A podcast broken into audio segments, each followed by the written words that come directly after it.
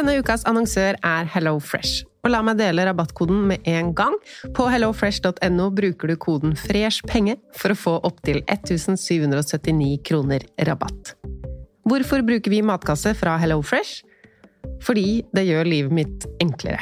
Det er litt mer oppvask, det er det eneste negative. For det er jo litt mer ordentlig middag enn de stakkars guttene mine sikkert hadde fått om jeg ikke hadde fått middagene levert på døra fra HelloFresh. Jeg føler meg som en mesterkokk med disse oppskriftskortene. At noen har tenkt ut middager som er gode, masse grønnsaker. Jeg bare elsker å ikke måtte tenke ut og planlegge og handle inn til middag. Her er alt sørget for og kommer på døra. Du kan velge mellom tre, fire og fem retter i uka til to eller fire personer. Og så kan du alltid hoppe over en uke. Så hvis du skal på ferie, f.eks., så kan du bare sette hele greia på pause. Og hver uke så velger du retter selv, mellom 25 retter, så det vil alltid være noe som faller i smak. Har du ikke testa ennå, så anbefaler jeg deg absolutt det. Gå inn på hellofresh.no og bruk koden FRESHPENGE når du bestiller. Da får du inntil 1779 kroner rabatt på dine seks første matkasser, og gratis levering på den første. Rabatten kan også brukes hvis du har vært kunde hos HelloFresh før, men det er mer enn tolv måneder siden. Elin, du er foreleser på BIs videreutdanning. Hvor kommer motivasjon på jobben fra? En viktig kilde til motivasjon på jobben ligger i å mestre arbeidsoppgavene og utfordringene man står overfor. Den mestringsfølelsen opplever du i møte med forelesere og medstudenter i klasserommet på BI. Lær mer på bi.no muligheter. Velkommen til Kjemperådet! Vi har fått inn et kjempeproblem her. Jeg leser. Jeg er på ferie med familien. Det er gøy, bortsett fra at jeg har gips på begge beina. Kan ikke bade eller dra noe sted. Jeg føler meg veldig begrenset. Hilsen begrenset far. Begrenset far trenger ubegrensethet. Yes. Ja, Kanskje ubegrenset data fra 399 med familierabatt hos Telenor? Ja, det løser jo alt! Bortsett fra det med badingen, da. Se nye mobilabonnement på telenor.no. Yes!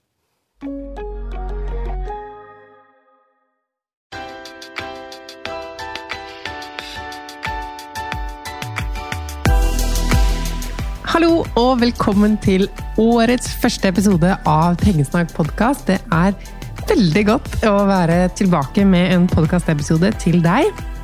Jeg har jo lyst til å gi deg alt du trenger for å lykkes, spesielt med økonomien, da.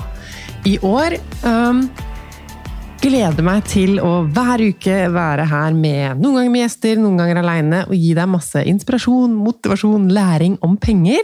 Men akkurat denne episoden ble litt sånn hva skal jeg si til deg? Hva trenger du å høre?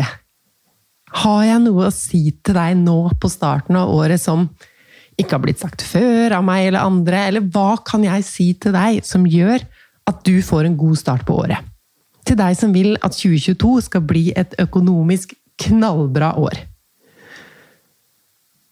Slutt å kjøpe ting du ikke trenger. Men det blei jo en litt kort episode. Men husk det, da, hvis du syns det blir en litt bablete episode etter hvert. Du har allerede hørt det viktigste jeg skal si til deg i dag. Slutt å kjøpe ting du ikke trenger. Men ok, det er nytt år, nye muligheter, blanke ark. Og for meg personlig er det så perfekt akkurat nå å tenke framover. 2021 var økonomisk sett et fantastisk år for meg. Jeg legger link i episodebeskrivelsen til en video på YouTube-kanalen min der jeg deler alle tall på inntekt, sparing, investering og eh, forbruket mitt i fjor. Jeg tjente jo mer enn noen gang, og kunne da også investere mer enn noen gang. Men det var i fjor. Hva med i år?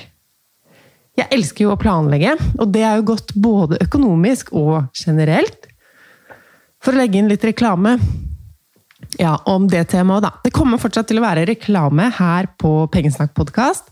Jeg spurte en del av dere om dere ville ha en reklamefri podkast, og heller ha en sånn abonnementstjeneste.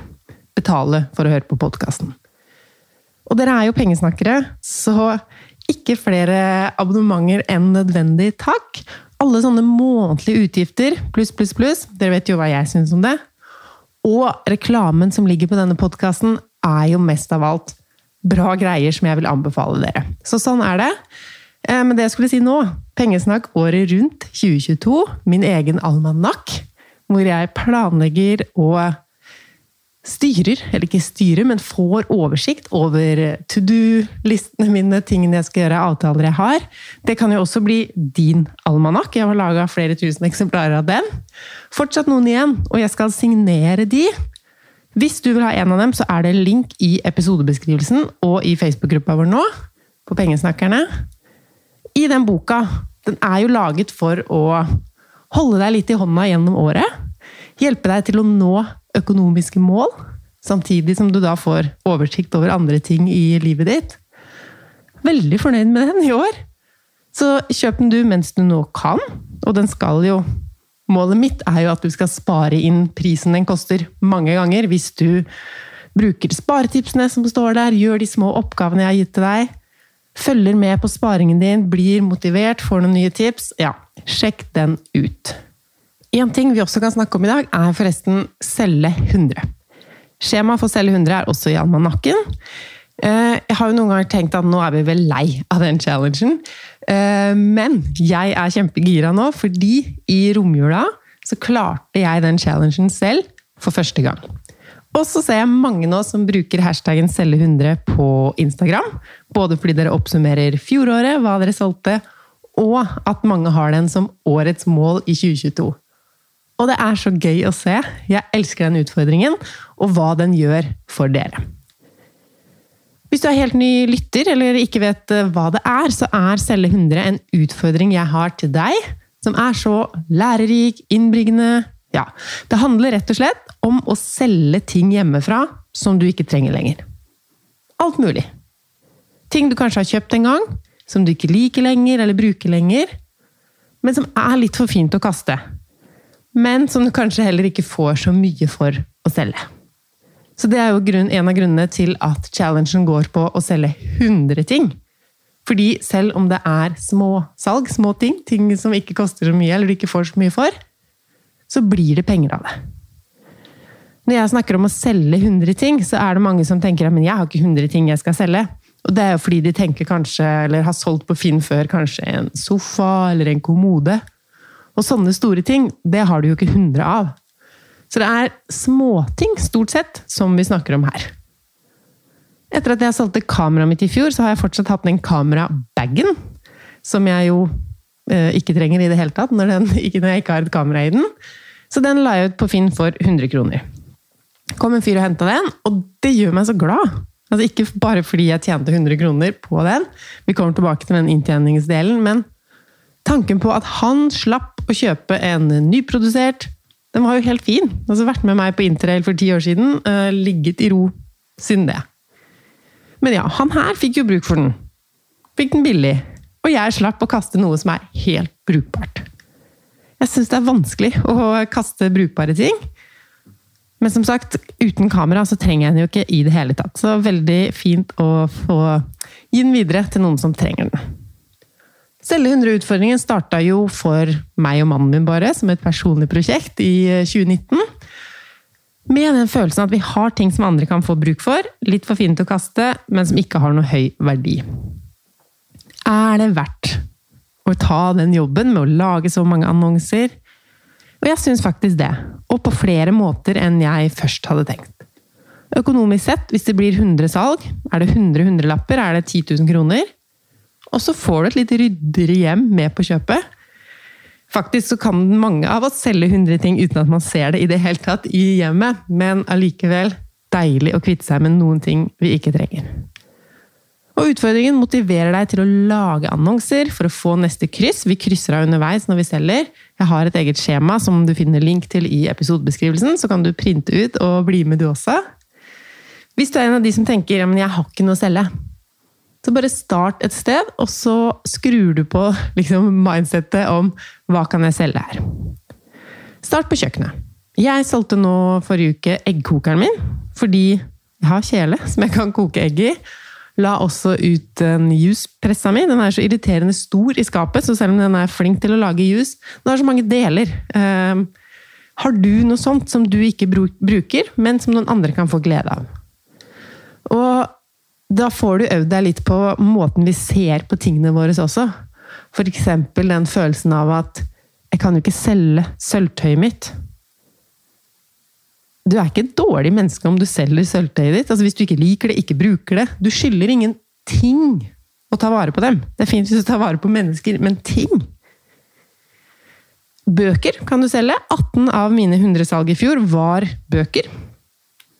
Ti salg var klær. Jeg solgte seks ting fra kjøkkenet. Solgte en del sånn babyting. Nå som vi ikke planlegger flere barn, så selger vi unna og gir bort etter hvert som man vokser. Eh, vi selger møbler vi ikke trenger lenger. Nå som vi har fått ordentlig skap på soverom og i gangen, så har vi solgt noen sånne Ikea-kommoder som vi har hatt i årevis. Eh, nattbord. Det dyreste vi solgte i fjor, var 4000 kroner for Tom sitt gamle golfsett.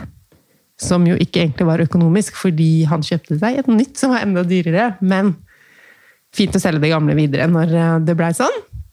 Eh, vi har solgt masse, masse småting. Så uansett om du tenker at 100 salg skal være ditt mål, eller om du har vært med før Jeg har vært med to ganger før, og jeg gjør det nå igjen for tredje gang i år. Jeg hadde ikke tenkt til det, men fordi jeg lagde veldig mange annonser i november og desember, så begynte januar veldig bra, med flere salg allerede første uka. Og jeg har ting som jeg og Tom har sagt den kan vi legge ut, den kan vi legge ut, som jeg fortsatt ikke har fått laget annonser. Og for oss er det så motiverende med det her antallet, å se hvor mange salg det blir. Um, så da kjører vi på med en ny runde. Og jeg syns jo det er helt utrolig at jeg fortsatt har noe å selge. Jeg er jo en person som sjelden kjøper meg nye ting, uh, men som sagt, når jeg skrur på den modusen vi, For det første, vi pusser opp et gammelt hus, og plutselig skrur vi ned en lampe. Ut på Finn med den. Tar og bytter ut en dør. Ut på Finn. Trådkurver i et skap vi ikke skal ha. Legger det ut. Jeg ser gjennom garderoben for neste sesong. Da finner jeg kanskje noe som kan legges ut. Har lest ut boka mi. Da legges den ut for salg. Barna mine vokser, som jeg sa, og det minstemann vokser fra av utstyr, sånn babyting, da. Ut på nett med en gang. Og så skal vi ha to kaffeserviser, når vi er bare én som drikker kaffe her, og veldig sjelden har kaffeselskap. Sofaen på kontoret, en sofa som vi brukte mye et sted vi bodde før, men som nå bare tar opp plass. Altså, det er så mye som kan selges, så jeg vil utfordre deg til å lage noen annonser i dag. Det er en bra start på det økonomiske året å få noen penger inn, og en bra start på året å få rydda opp litt her og der. Altså, skal du aldri gå på skøyter igjen? Selg skøytene dine, da! Fikk du en julegave du ikke trenger, men som du heller ikke får bytta eller har noen å gi videre til, selg dem. Det er mange som spør meg om det med å gi bort og å selge. Og grunnen til at jeg heller selger ting for 50 kroner enn å gi bort, er rett og slett at jeg har hatt litt dårlig erfaring med gi bort annonser. Altså ikke for å dra alle under en kam, eller det er vel egentlig det jeg gjør, da. Gi bort annonser de gir meg så mange meldinger, og så må jeg bestemme hvem som skal ha saken, og så kommer de ikke til avtalt tid, på samme måte som erfaringen min er med de som faktisk betaler 40 eller 60 eller 100 kroner for en ting. Så derfor. Så i fjor solgte jeg akkurat 100 ting. Så himla deilig når de to siste salgene kom inn i romjula. For forrige gang jeg prøvde meg på å selge 100, så endte jeg på 97 ting.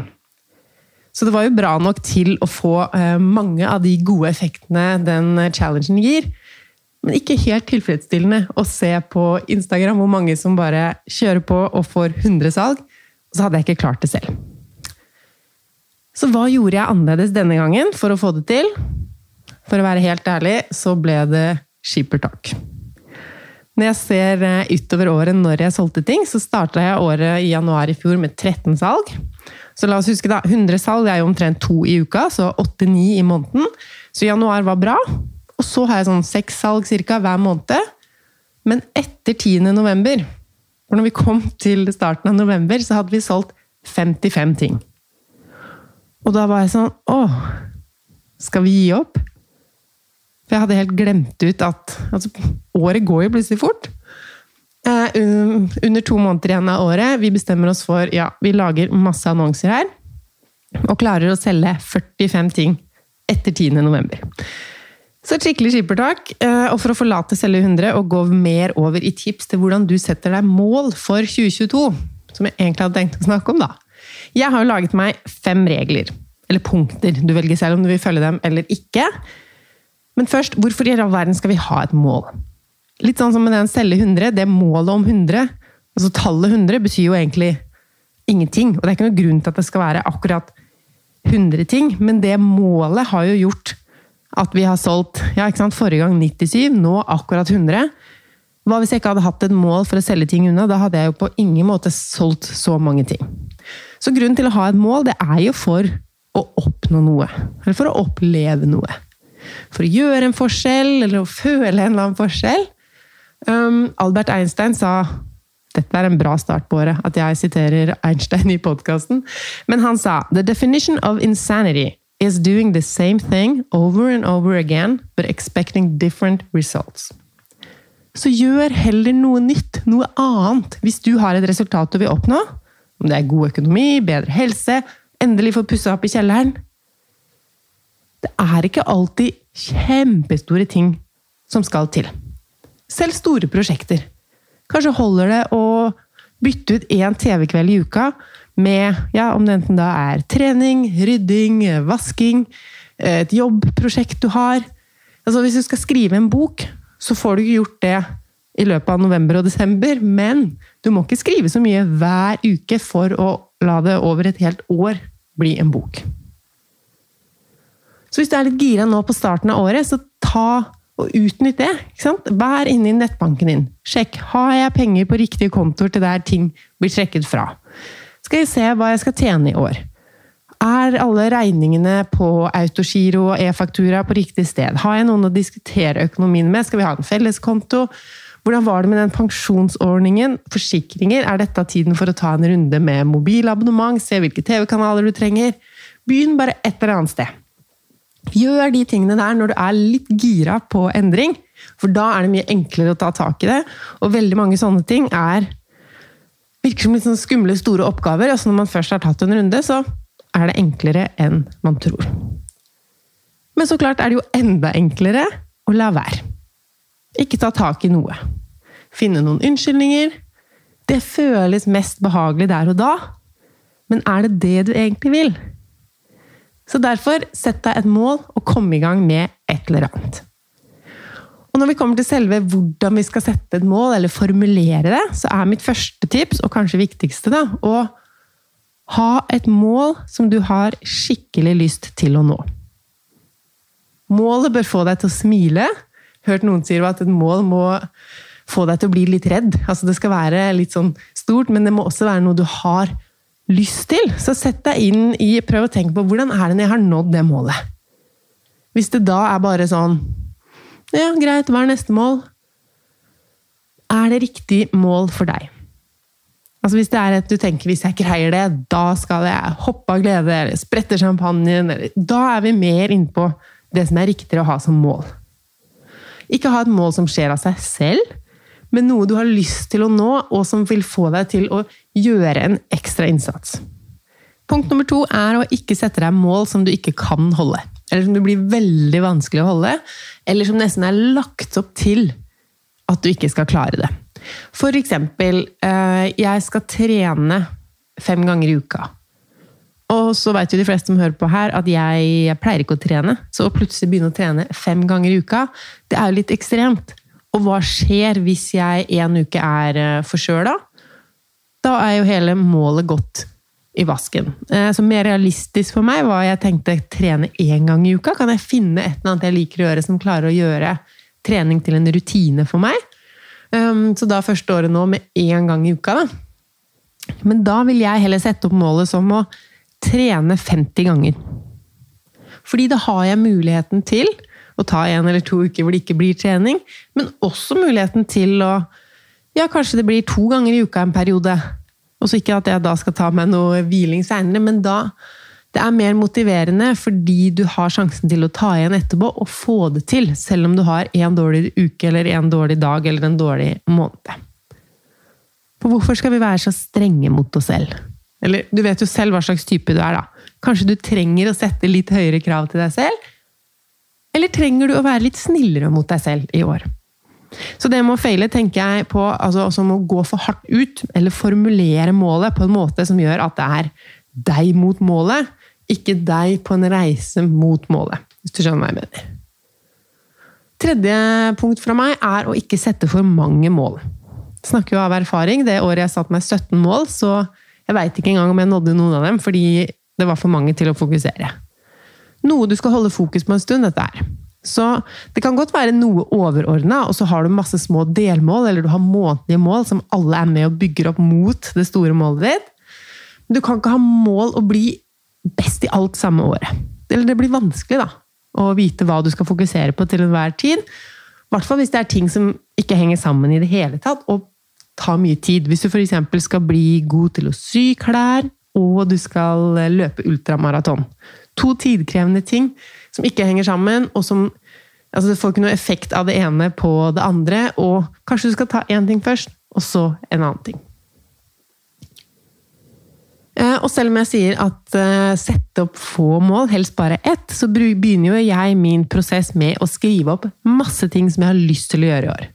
Altså før jeg finner ut hva som skal være 2022-målet mitt. Um, alt fra jeg vil ha en lang sommerferie med guttene mine på hytta, jeg vil lære sønnen min å svømme, jeg vil lage en ny almanakk til dere, jeg vil begynne å trene, som jeg sa. Masse greier. Jeg bare skriver opp ting uten å være kritisk først. Og så samler jeg tingene kanskje i liksom kategorier jobb, familie, helse eller andre kategorier, hvis jeg ser liksom hva som dukker opp. Så jeg har ikke helt landa dette målgreiene for meg selv for året, men det som liksom stikker seg ut, og som jeg tenker på, er det store byggeprosjektet vi har i huset. Jeg har ikke lyst til å ta av lån for å finansiere det. Så det er én ting at jeg enten da må tjene veldig mye, eller bremse litt utviklingen, eller finne måter å gjøre ting rimeligere på. Jeg vil ha en lang sommerferie på hytta, trene 50 ganger, hjelpe folk med økonomien, men jeg vet ikke helt hvordan jeg skal gjøre de tingene, og hva som er riktig som har som mål. Så jeg fortsetter litt med det. Men én ting jeg er nøye på, da, som er punkt fire her, er å formulere målene positivt. Tenk på f.eks. om du har mål som er 'spare 10 000 kroner til noe jeg elsker'. Altså det er positivt formulert, i motsetning til 'shoppestopp', 'ikke ta taxi', 'ikke spise godteri'. Eh, for det kan faktisk føre til, når man tenker så mye skal ikke ta taxi', skal ikke ta taxi', at du faktisk tar taxi og føler deg veldig mislykka. Eh, hvis du har mål som Altså, hvorfor skal du egentlig ikke ta taxi? Hvis det er for å spare penger, kanskje hvis du tar taxi en gang og finner noe annet å spare inn på, så er jo ikke det verdens undergang. Eh, så litt tilbake til det ikke legge opp mål du, eh, som er, gjør det lett å feile, men også den derre formuleringen at det er noe negativt, det er ting du skal greie å holde deg unna. Prøv å heller formulere det positivt. Og så er det en stor fordel at målet ditt er så konkret som mulig. Eh, jeg spurte jo dere om mål eh, før jul, og så mange sier at dere vil spare mer. Kanskje naturlig når jeg spør. Hvis noen trening eller helseprofil spør, så er det 'jeg vil bli sunnere'. Og det er ikke et bra mål. Altså jo, det er et bra mål, men jeg vil bli sunnere. Sunnere enn hva? Spare mer. Mer enn hva? Hva er mye for deg? Mer enn i fjor? Mer enn uh, søstera di? Mer enn meg? Mer Altså, hva er mer? Prøv å gjøre målet konkret. La det gjerne inneholde tall. Eller følg disse prinsippene i smart målsetning. Det har du kanskje vært borti de fem bokstavene som står for um, ja, S-en i smart står for spesifikt. Og det vil jo si at målet skal si noe eksakt om hva det er du ønsker å oppnå. M-en står for målbart. Det må være sånn at du kan si 'har jeg klart målet', eller 'har jeg ikke klart målet'? Og hvis målet ditt er å spare mer, bli flinkere med penger Det er ikke målbart. Du kan ikke si at 'ja, jeg nådde målet halvveis' eller 80% Så det må ikke inneholde tall, men målbare ting blir jo enklere når det inneholder noen tall. Og så kommer oppnåelig, som har litt forskjellige oversettelser. A-en kommer vel fra attainable eller achievable. Det må være et mål som er mulig å nå med de ressursene du har tilgjengelig. Altså, det kan godt være et vilt og stort mål, et hårete mål, som du ikke tror kanskje at du skal greie å nå, men det må i hvert fall være mulig. Ellers er det jo ikke noe vits å ha det som et mål. Da er det jo snakk igjennom å legge opp til skuffelse. Og så kommer relevant. Er dette målet relevant i forhold til hva som er ditt store mål. Ditt viktigste mål. Grunnen til at du er her på jorda, eller eh, ja, enten for noen andre eller for deg selv. Passer det med deg? For jeg blir jo lett sånn når jeg ser på videoer om uh, målsetning, eller leser hva andre har som mål, at jeg syns ting høres kult ut. Uh, men det er jo for en annen person. Det er jo ikke for meg. Og når vi kommer til mål for året, så er det jo mye jobb som skal legges ned. Og da er det jo viktig at siden det er du som skal gjøre jobben, og det er du som skal være fornøyd når dette målet er oppnådd. Så det er veldig viktig at du er interessert i å nå ditt mål. Tidsbestemt. T-en i smart står for tidsbestemt. Når er det du skal ha nådd dette målet ditt? Nå snakker vi litt sånn om årlige mål, men kan jo være innen to måneder, innen neste sommer. Det må være en eller annen deadline på målet, for det er jo litt sånn at med mange ting, så vi fyller tiden vi har.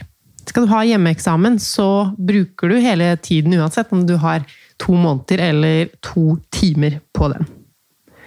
Så med penger så blir det jo litt annerledes, fordi mange av oss har jo en lønn som utbetales hver måned. Eh, og da trenger vi jo mer tid, eller vi trenger Hvis vi har kortere tid, så klarer vi ikke å spare de store beløpene vi klarer over lengre tid. Eh, jeg var jo litt inne på det. Jeg strever jo litt med å sette meg mål forrige år. Eh, det var mye enklere da jeg hadde en sånn fast månedlig inntekt, hvor det var samme sum. Og det jeg jobba ekstra, det var enklere å vite om så Hvis jeg legger inn de timene, så tjener jeg så mye ved siden av månedslønna. Så kunne jeg regne meg fram til økonomiske mål. Og ikke at jeg klager, for jeg tjente jo dobbelt så mye i fjor som i fast jobb, men det er så uforutsigbart at det er umulig å vite. Og jeg kan ikke si sånn hvis jeg legger inn tre timers kveldsjobb på torsdag, så har jeg tjent 500 kroner ekstra. Um, for jeg driver jo med forskjellige ting, og mye av det er ikke sånn at jeg direkte tjener penger på det. Nå har allerede to foredrag blitt koronaavlyst denne måneden. Altså det er tredje året vi driver med å avlyse foredrag og jobber. Det er frustrerende. Um, for jeg vil ikke bare basere meg på annonsører og samarbeid. Boksalg blir man ikke rik av. Um, men jeg har starta jobbinga med en ny bok til deg, og jeg vil også lage Pengesnakk året rundt for 2023. Det er jo ting som du kan lære av, som jeg helst vil tjene penger på. Eh, men heldigvis har jeg samarbeidspartnere, annonsører, som gjør det mulig for meg å lage podkast og alt det andre gratis innholdet til dere. Hva var poenget mitt? Jo, eh, målet mitt sånn eh, økonomisk på sikt over lang tid, og det har vært lenge, å bli fullstendig økonomisk fri når jeg fyller 40. Og for å nå det målet så må jeg spare mye. Og det gjør jo at jeg har lyst til å sette mål som tjene mer enn i fjor. Men når jeg ser realistisk sett på hva planene mine er fra i år, og hva slags ting jeg hadde eh, utbetalt i fjor, så bør jeg være fornøyd hvis jeg lander på en tredjedel av det. For jeg har jo ikke en sånn Altså, planen min for eh, businessen min er å fortsette å snakke med deg om penger i alle kanaler. Ja, nok om meg og mitt mål og businessen. Eh, men når du setter opp mål for året, så kan du jo også tenke på om det er riktig for deg å sette opp et sånt resultatmål. Altså resultatet vi skal oppnå, er målet. Gå ned 10 kilo, kjøpe egen bolig. Eller som jeg hadde i fjor eh, høst, få 50 000 følgere på Instagram. Det er jo ting som ikke er 100% i vår makt. Så da kan jo noen ganger prosessmål være smartere enn sånne resultatmål. At du skal trene fem ganger i uka, spise fem om dagen, det kan du kontrollere, det. Spare 30% av lønna, og i mitt tilfelle kanskje poste noe på Instagram som gir verdi til de som følger meg, fem ganger i uka. Som er ting jeg kan kontrollere, og du kan kontrollere. Jeg tenkte jo at antall følgere var et bra mål fordi det er tall, det er målbart. Men fem poster i uka er også målbart. Og det er jo i motsetning til eh, hvor mange som leser eller ser postene, totalt i min kontroll. Og så er det ikke så følelsesmessig utsatt, for jeg slipper å bli hengt opp i antall følgere. Så det jeg gjør i år businessmessig, er kanskje ikke mål sånn sett, men mer en plan for hvordan jeg på best mulig måte kan hjelpe deg til en bedre økonomi. For en av de fire tingene jeg har tenkt på som mål Jeg vil egentlig ikke at det skal være fire, men å hjelpe deg med økonomien ja, kanskje ikke det trenger å være et mål i det hele tatt, fordi det er jo det jeg brenner for å gjøre uansett. Um, det skal mye til for at jeg ikke skal jobbe med å hjelpe folk til å ta tak i ulike deler av økonomien sin. Um, ja, og selv så får jeg vel ta tak i det med inntekten, hvis det ikke går an å holde foredrag i år heller. Høres kanskje slapt ut, det med å ikke ha inntektsfokus i eh, businessen. Mm, kanskje det mest ambisiøse målet jeg har i år, er jo å få tatt en ordentlig lang sommerferie på hytta med de tre guttene jeg bor med. Vi er jo ulike, og vi har ulike faser og ulike ting vi trenger ulike år. Um, alt jeg vet um, Har man et mål, så skjer det ting som ikke ville skjedd hvis du ikke hadde hatt det som et mål. Så uh, med det så ønsker jeg deg lykke til med å finne mål og mening, kanskje en retning for 2022 eller enda større. Kan jo være at du tenker for første gang på en ganske stor drøm om å dele det først inn i år, og så eh, dele det inn i hva du skal gjøre i de ulike åra. Bestemmer du deg for å bli med på å selge 100 i år, så har du allerede en oppgave klar som du kan begynne med i dag. Link til skjemaet ligger i episodebeskrivelsen. Der ligger også link til bestilling av Pengesnakk almanakk, som hjelper deg å holde fokus på en sunn og god økonomi hele året. De skal jeg signere, som jeg sa. Jeg er tilbake neste mandag med årets andre episode av Pengesnakk podkast. Vi høres da.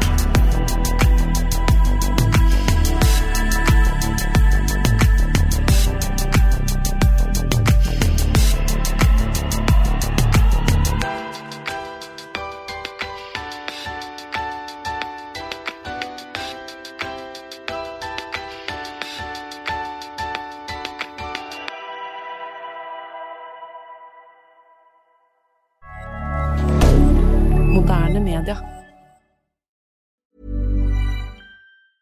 Hei, du, eh, jeg lurte på hva er egenkapital for deg?